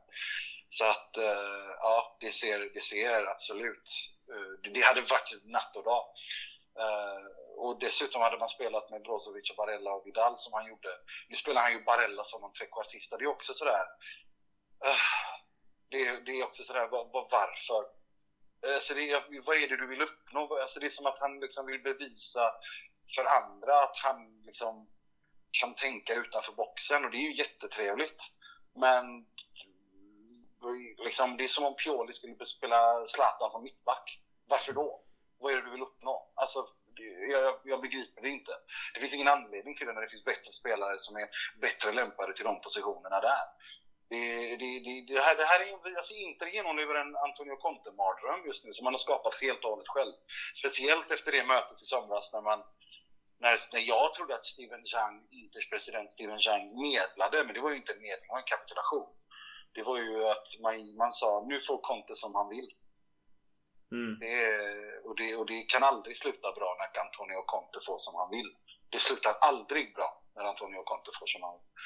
Eh, Antonio Contes största mirakel är när han måste jobba och anpassa sig och faktiskt göra skäl för sin lön. Som är den, som, där han tjänar mer än de närmsta, de närkommande sex tränarna. Eh, hans största mirakel var att vinna scudetton med det Juve, att han byggde det Juve han gjorde. Eller när han, kom, när han tog Italien till, till kvartsfinal och straffförluster mot, eh, mot Tyskland i EM. Eller att vinna ligan med det Chelsea som var så utskällt. Alltså där, där är han som bäst. Men när han, när han får som han vill, då, då han har de här mentala hang-upsen där han måste ha Arturo Vidal. Jag måste ha Arturo Vidal. Sandro Tonali är för ung. Jaha, okej. Okay. Mm. Uh, eller att Alexander Kolarov är en mittback och det är där han ska spela. Alltså det är, så här, det, det är som om han, han fastnar i de här mentala liksom, glitch, det är sådär error, syntax-error. Och han har fastnat där och det, och det är inte som får betala det och det är så uppenbart, det är så, det är så onödigt, det är det jag slås av. Hade det varit en situation där Inter inte, där Inter inte behövde, alltså där, där Inter förlorade för att ja men vad fan, Milan var bättre för dem. Förstår du vad jag menar? Då, då är det fine. Men, men när Inter förlorar, inte så att jag tar bort någonting från Milan, jag tycker Milan gjorde en grym match, men jag menar det att det är så onödigt. Inters poängtapp mot Lazio och Milan är Inters eget grepp. De föll för eget grepp på grund av att man har en tränare som inte riktigt är vid sina sinnens fulla bruk känns det som just nu. Han är otroligt nervös, han är otroligt uh, han, han, han håller på och experimenterar och laborerar och har någon form av identitetskris om vem han är som är bara väldigt oroväckande rent ut sagt. För truppen är bra. Uh, och den hade kunnat vara bättre om Alexander Kolarov aldrig hade kommit och Godin hade stannat. Uh, men nu är det som det är och då, då får man göra det bästa av det. Men, men samtidigt, en annan grej kring det här är också det att han vad han inte begriper är att när han krävde Arturo Vidal och Alexander Kolarov och Mattia Darmian, det är spelare som är 30 plus va? Mm. Ja, och när du tar in de taggarna, när du tar in 30-taggare som har vunnit och ska vinna, då, måste, då, då, då bygger du inte ett lag för imorgon. Du bygger ett lag för att vinna nu. Det betyder att du sätter pressen att vi ska vinna nu. Och att den att pressen som finns i Inter när Inter måste vinna, det är, det är mitt under, under, min, under mitt liv så har det bara varit en tränare som har hanterat, två tränare som har hanterat det. Det är Roberto Mancini och det är José Mourinho. Alla andra har brutits ner. Inte ens Trapattoni kunde hantera det så bra. Uh, han, gjorde det, han, han hanterade det relativt bra Eh, men, men med, med, tittarna han vann. Men han sa själv att, att gå in i Inter var som att gå in i en centrifug. Och när det gäller tryck. Och Antonio Conte är inte direkt känd för att vara en person som klarar av att utstå en massa tryck. Eh, så han har satt en enorm press på sig själv och på klubben och på spelarna.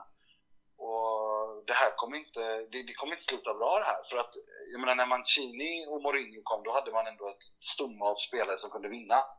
Det har inte Inter. Inter har inte vunnit någonting på tio år. Och nu, nu måste de vinna. Nu finns det liksom, nu har han målat in sig i ett hörn. Och, och samtidigt har du en Christian Eriksen som är grym för danska landslaget men, sitter och, men, men har San Siros bästa åskådarplats på matcherna. Um, du har Alexander Kolarov som ingen begriper varför han ens är i truppen. Och du har, eh, du har en Brozovic som ser ointresserad ut och som ser ut att han inte vill vara där. Det är, och sen har du Ivan Perisic som han själv för ett år sedan kastade bort och sa han kan inte göra som jag vill att han ska göra. Men han, han är ett år äldre och har spelat, som, så, spelat i Bayern München i ett år och är ett år äldre och har vunnit allt som ytter. Då helt plötsligt ska han spela ytterback och då ska man skola om honom vid 33 års ålder till ytterback. Alltså det, det är så mycket dumheter så man bara undrar, vem, vem va?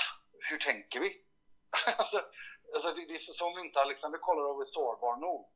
Då har han helt plötsligt en, en ovan kantspelare som inte kan täcka upp heller för honom.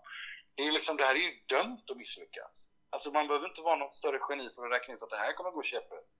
Och, och, det kommer gå käpprätt. Inte hade tur. Jag menar, eh, att de mötte ett Milan som inte, är, som inte ännu är där, men som är på god väg. Hade de mött ett Milan, alltså som, jag menar det här Milan-laget gillar jag jättemycket mycket. Jag tycker det är ett riktigt, riktigt spännande lag. Jag tycker det är ett riktigt spännande projekt. Jag gillar det man gör. Jag gillar truppbygget. Man, har ett, man är ett av få lag som faktiskt har ett projekt tillsammans med Juve och eh, Napoli som verkligen har en tydlig linje med vad man vill. Hade Inter mött ett lag som är längre fram i sitt projekt så hade de kunnat bli totalt krossade igår. 4-1, 5-1, 6-1 alltså. På den nivån är det. För så, så stora är hålen som alla ser förutom Antonio Conte, han som får betalt 12 miljoner netto per år, att se de felen och se till att de inte finns. Och det, det gör mig irriterad. Det irriterar mig något så fruktansvärt. Och, jag, och jag, jag, min känsla är att det här kommer gå käpprätt alltså. Och, det är, och att, inte nog med att det kommer gå käpprätt, utan enda anledningen till att han kommer få avsluta säsongen är för att man inte har råd att sparka honom. Och då hoppas jag att, Allegri, att Max Allegri fortfarande är ledig. Det, det, är det enda jag ser. För att det här är, inte bara en derbyförlust. Det här är en, det här, det här, om man zoomar ut och ser problemen inte så ser man dem på ett helt annat sätt. Och det är att de är, de är stora, de är många, det är många frågetecken. Och samtidigt så är det en miljö där han måste vinna någonting viktigt i år.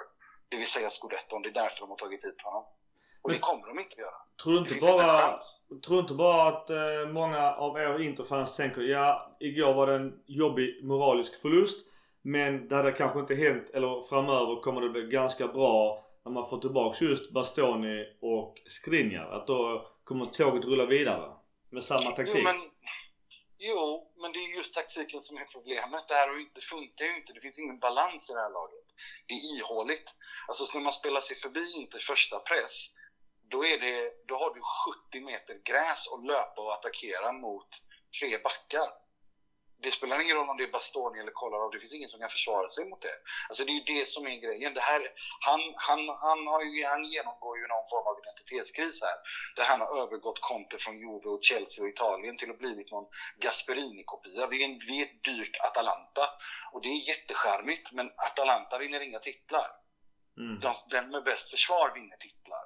Och Inter har det sämsta. Vi hade förra året var inte Serie A statistiskt bästa försvar. Nu är man sämst, bland de sämsta. Och det, kom, det, det landar obönhörligen på Contes bord, för det är han som har valt ut vilka som skulle lämna och vilka som skulle komma. Och det, och det kan inte han rymma ifrån, hur mycket än han efter matchen irriterade mig till så att jag ville driv, verkligen noppra av med varenda hårstrå jag hade på huvudet för att jag blev vansinnig när han står och pratar om tur och otur. Det var inte otur att Milan vann eller att Inter förlorade igår. Vad är det för jävla trams? Det var inte alls otur. Milan var jättebra försvarsmässigt. Milan var riktigt stabila eh, försvarsmässigt. Trots att Simon Kjær inte kanske hade sin bästa match i karriären så, så, så höll man ihop det. Calabria var grym. Kessie och Benazer var fantastiska. Eh, Zlatan är Zlatan. Det finns liksom ingenting mer att säga. Han är, han är från en annan planet. Uh, och sen har du, och sen till och med Leao funkade, såg, såg, såg spännande ut igår. Och, och Sellemakers och de här, de gjorde, alltså Milan såg bra ut igår. Och att, att, att, att lägga det på att de hade tur och vi hade otur, är det, är, det är provocerande, är det, för det stämmer inte. Milan vann för att de var bättre. Det är bara så enkelt jag, jag, jag lyssnar, alltså de här, de här ursäkterna vill jag liksom inte höra. Milan vann för att de, satt, de var bättre än Inter. Det är inte svårare än så. Sen att du kan ha hur mycket boll du vill och hur många chanser du vill, det spelar liksom ingen roll. Det handlar om att sätta dem också. Det handlar om att du måste ha någon stabilitet i det du gör. Och det, det hade Milan, det hade inte Inter. Milan släppte in ett enda mål i år. Mm. det har Inter släppt in tre mot Fiorentina, ett mot Lazio, två mot Benevento och två mot Milan. Det är åtta på fyra matcher. Ja, det är inte okej. Okay. Det är inte okej okay någonstans. Och, och, och, och, det, sen kan man säga, okej, okay, Milan inte har mött Fiorentina, Milan och Fiorentina. Och, eh, eller så, Fiorentina, Lazio och Milan. Och eh, Milan har mött eh, Crotone och Spezia. Men det spelar ingen roll. För att Milan, alltså har man sett alla Milans matcher som jag har gjort så de ser jävligt stabila ut. Milan ser, bygg, har ett lugnt, har, har en trygghet i försvarsspelet som man inte sett på flera år. Jag är riktigt... Alltså alla snackar om Simon Kjaer. Jag, Gabja är jag ruggigt imponerad av. Vilka, vilka steg han har tagit. Vilken utveckling. Samma sak med Calabria. Jag menar, det, mig veterligen finns det bara en italiensk högerback som är bättre än honom just nu. Eh, och det är Di Lorenzo i Napoli. Och då räknar jag inte Spinazzola som högerback utan jag räknar honom som vänsterback. Vilket ingen kunde, ingen kunde tro. Det inte ens den mest så positiva, förhoppningsfulla milanistan kunde tro att Calabria skulle, ta dem, skulle bli så här bra redan så här tidigt. Alltså det, det, ser ju jättebra ut. Och sen har du som påläggskalv Tonali som kan sakta komma in i det, vilket är briljant. Nej, alltså, för, mig, för mig ser det väldigt ljust ut i Milan. Jag tycker Milan har ett projekt, det finns en tydlig röd tråd i det man gör. Um, man, har, man har en Zlatan som, leder, leder med, som är ett föredöme och leder med exempel. Uh, och alla följer. Och han levererar. Uh, och men, att, men om vi ska gå till och titta lite längre fram så tycker jag ändå att vi såg igår varför Milan inte kommer vinna scudetton i år. Uh, man är inte mogen riktigt. Det är lite valpigt emellanåt. Mm. Men det ser bra ut. Topp fyra, utan tvekan, kommer Milan, sluta, kommer Milan kriga om en topp fyra-plats. Det, det, det hyser inga tvivel kring det. Det, så, det, det har de i sig. Men de är lite för valpiga för att, för att, och lite orutin uh, fortfarande för att kunna verkligen slåss om en ligatitel. Det, jobbiga, det jobbiga är ju det är just Corona som drabbade er nu med er trupp och det kan ju drabba Milan också som har en ännu tunnare och sämre trupp. Då kommer också resultaten kanske falla bort. Ja, men så är det ju. Men jag vill inte skylla på corona. Så min, min, min, min, eh, min, min, min syn på det här, det har jag sagt på alla sociala medier, alla podcasts och alla artiklar jag skriver i mig. Alltså, som jag ser det, nu, nu är vi mitt uppe i en andra våg. Och, och, och så är det bara. Och att, och att se, hålla på och spela de här matcherna och hålla på med landslagsuppehåll och resa mellan länder mitt i en pandemi är det dummaste man kan göra. Uh, om, man, om man verkligen vill stoppa smittspridning. Mm. Som jag ser det så, så får man göra, alltså, om jag tittar på vilka, vilka, vilka är det som har kunnat genomföra en sportsäsong utan att någon har kunnat smittas, uh, utan att smittspridningen har, har, har skett mellan spelare. Och det är, kolla på Nordamerika, NBA, NHL, Eh, Eh, och, alltså NBA och NHL. Kolla hur bra de har gjort det. det nu, hur, man har liksom låst in sig i en bubbla, man har kortat ner i playoff och play-in. Jag säger inte att det är ideal, men nu är det så att vi lever i en pandemi. Va? Man kan inte tro att bara för att, att, att vi ska liksom spela matcherna precis som vanligt vi lever i abnormala tider. Då kan man inte ha, då får vi anpassa oss till det, men kanske anpassa oss till, en, till den verkligheten vi lever i istället för hur vi önskar att den var.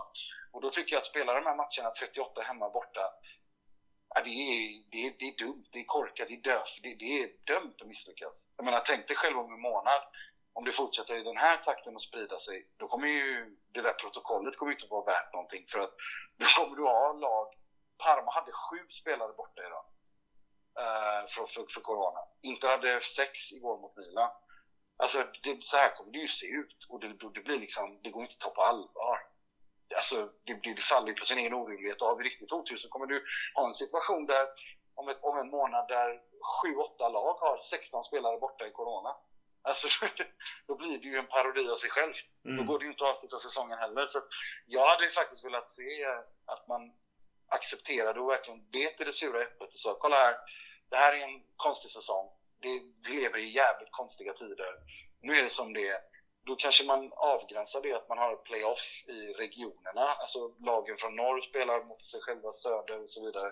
Och sen har man någon form av slutspel lite längre fram. Alltså det, det är ingen som vill ha det så. Men det är ingen som vill ha corona heller. Nu har vi det. Nu har vi det. så då får man ju, alltså förstår du vad jag menar? Man får ju anpassa sig till verkligheten man lever i lite grann. Mm, mm. Du Nima, jag tänkte annars eh, något sista plus minus eh, för derbyt? Um, ja... Theo Hernandez, Ashraf Hakimi var riktigt kul att se. Uh, jävlar vad snabba de är. Ja. och vad, vad, vilka högkvalitativa spelare bägge två är. Och, ja, det, det här derbyt är på väg uppåt igen och det är jävligt kul. Uh, att det börjar bli derbyn värdiga de här två klubbarna och de här två supporterskarorna igen.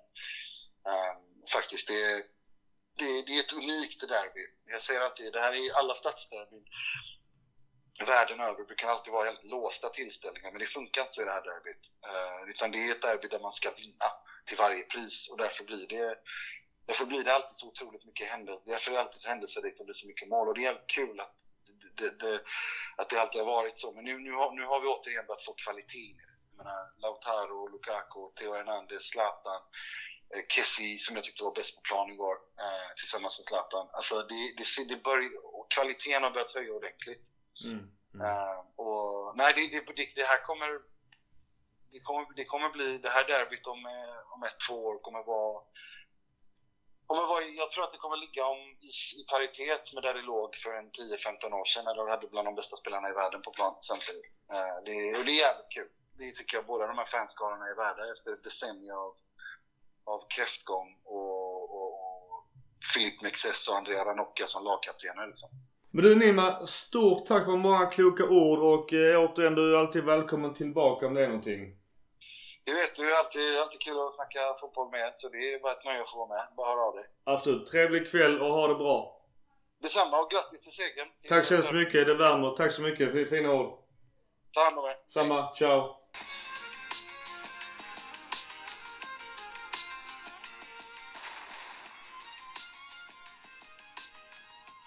Okej, välkommen Max. Du är faktiskt sista samtalet för kvällen och dagen. God dag. Tack för att jag fick eh, vara med. Matchen igår, vad är din analys eller dina tankar kring det? Ändå en ganska förväntad eh, matchbild att, att Inter skulle vara det mer spelförande laget och att Milan kanske skulle förlita sig på kontringar. Eh, jag tycker Milan eh, startade väl matchen starkast skulle jag säga Eh, och därefter växte Inter in matchen mer och mer ju längre eh, in i matchen man kom. Men det som jag framförallt tar med mig är väl dels mentaliteten, att vi kan hålla igen trots att man får en sån stor press emot sig och eh, sen också tyckte att försvarsspelet såg riktigt bra ut. Jag tyckte Romagnoli var väl kanske lite, lite rostig, men det får man ju förvänta sig när han inte har spelat på så länge. Så det, det är bara normalt och det kommer bli bättre med tiden. Mm. Och eh, det har varit mycket snack om våra kanter. Vi kan börja med högerkanten som tidigare var kritiserad. Dina åsikter om eh, först Calabria men även eh, ja, alltså Selemakers. Ja, men eh, ja, jag har gillat Calabria. Eh, jag tycker att Conti har väl kanske mer spetskompetens framåt men eh, Calabria har ganska mycket bättre defensiv samtidigt som han har bra kvaliteter framåt också. Så jag tycker att eh, han är rätt val för högerbacken utifrån de alternativ som vi just nu har. Eh, och så jag tycker att man har sett framsteg hos honom offensivt i år också. Att han, att han tar mer initiativ framåt och lyckas skapa saker med det. Salimakis tycker jag eh, var ett, ett riktigt kap faktiskt från Maldini. Han, eh, han såg väl också lite så här eh, borta ut i början om man säger så, men allt efter han har fått spela mer med laget så, så ser han bättre och bättre ut. Eh, arbetskapaciteten har ju alltid funnits där och han har alltid liksom löpt. Men eh, samspelet med resten av offensiven sitter mycket bättre nu och han verkar ha mycket mer självförtroende i sina initiativ framåt och det han gör eh, på planen. Och det, det tycker jag är väldigt eh, positivt att se. Eh, jag tycker att eh, utifrån eh, jag ser Brahim Diaz lite som en mer eh, central spelare.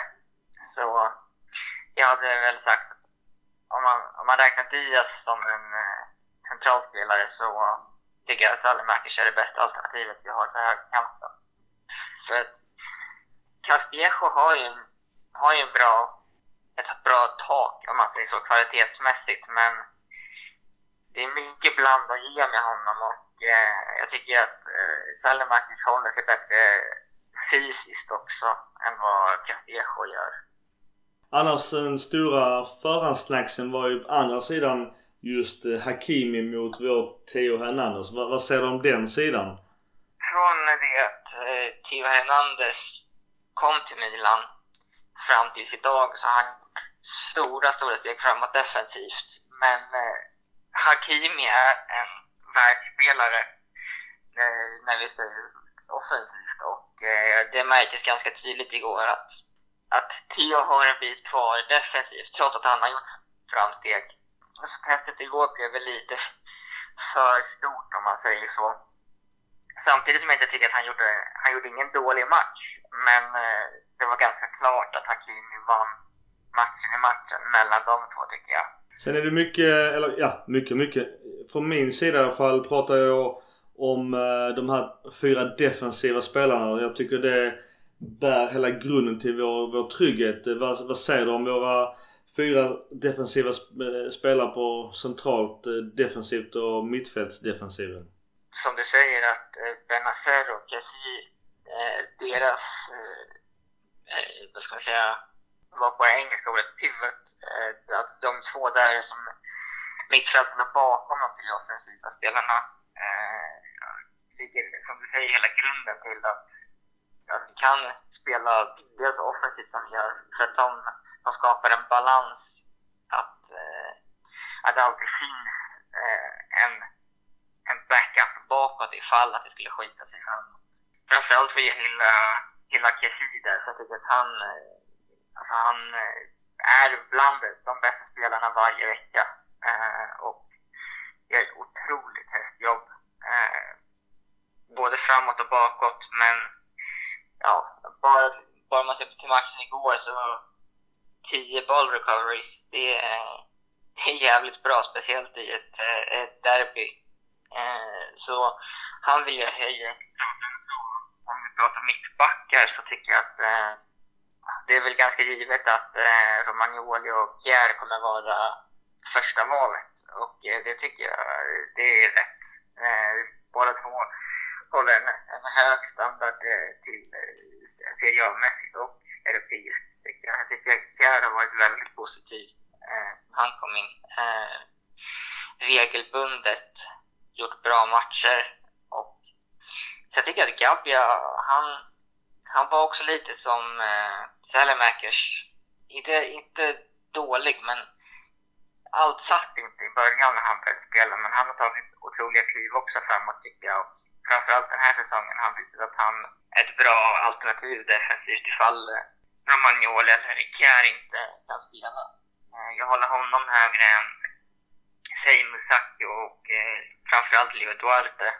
Musaki kan jag tycka han, han gör väl bra matcher då och då, men jag tycker det är alldeles för mycket misstag på honom för att hålla honom över Gabbia just nu. Annars, vår store svensk eh, gör båda målen och blir såklart eh, frontfiguren. Vad säger du annars om hans insats och betydelse i en sån här tuff derbymatch med ett ganska ungt lag? Det finns inte många ord som kan beskriva Zlatan. Ända sedan han kom in i januari har det varit otroligt synligt att eh, bara kraven han ställer på sina medspelare och mentaliteten som han eh, för in i laget har gjort eh, det är mirakel. Och eh, alltså, har man en sån match som igår när det, man, eh, man får stå ganska lågt och, och försvara så är det viktigt att man liksom orkar den mentala biten också, inte bara liksom fysiskt. Och där tror jag att, att Zlatan, även fast han inte är ner och köttar i backlinjen, så mentaliteten han sätter in i sina medspelare där, att orka, eh, är otroligt viktig. Och det är samma sak framåt också, att han hjälper de unga spelarna med direktiv, vad de ska göra, samtidigt beröm när de tar initiativ, även fast det kanske inte alltid eh, går vägen. Eh, så jag tror att han är otroligt viktig för eh, Milan. Och eh, det är både på och utanför planen. Man har massvis med spelare i intervjuer hur, eh, hur viktig Zlatan är och vad, vad de lär dem. Och det var bara under landslagsuppehållet som Selemäki sa i en intervju att eh, han har växt otroligt bara genom att träna med Zlatan. Och det, det säger väl sitt också. Du, annars Max, några sista ord du vill säga om matchen innan vi rundar av avsnittet? Jag tycker som jag sa lite i början där att man ska ta med sig att Milan har en helt annan mentalitet nu än vad vi hade bara i början av förra säsongen. Att eh, man jobbar för varandra, man, eh, man orkar med, går emot så orkar man fortfarande stå upp, man, eh, man lägger sig inte pladask som man hade tendenser att göra innan. Eh, och det tycker jag var väldigt synligt igår att, att man inte ger upp, att eh, man orkar med att försvara i, ah, vad kan det varit, säkert en, en 60-70 minuter. Och eh, det tycker jag är väldigt positivt och det har man ju sett flera andra stora matcher som, som vi har spelat förra säsongen mot Lazio, Napoli och Atalanta. Så det tar jag med mig. Det tycker jag är väldigt positivt och eh, ser fram emot att se hur mycket vi kan växa där framåt. Stort eh, tack Max för dina kloka ord som vanligt. Stort tack för att jag fick vara med. Och eh, sov gott, njut av derbysegern i alla fall några dagar till. Det ska jag definitivt göra. Den känslan ger sig inte nu på länge. Skönt, skönt. Hälsa familjen och eh, får hoppas på att Turin också klarar sig hyfsat bra den här säsongen. ja, det ser inte så bra ut hittills. Nej, jag vet, jag vet. Men de har Belotti kvar i alla fall. De har Belotti kvar. ha det gött Max, hörs vi! Ha det bra, Tack så mycket, ciao! Ciao! Okej, sista ordet för uh, kvällen. Om en vecka så släpper jag avsnittet där Mackan och Gurra också såklart får säga sitt. om den här underbara derbyvinsten mot Inter. Och då lägger vi till en jävla massa annat skitsnack också. Så eh, ni som hör detta, kör in eh, podcast Rossoneri redan nästa vecka där vi släpper ännu ett nytt avsnitt. Forza Milan!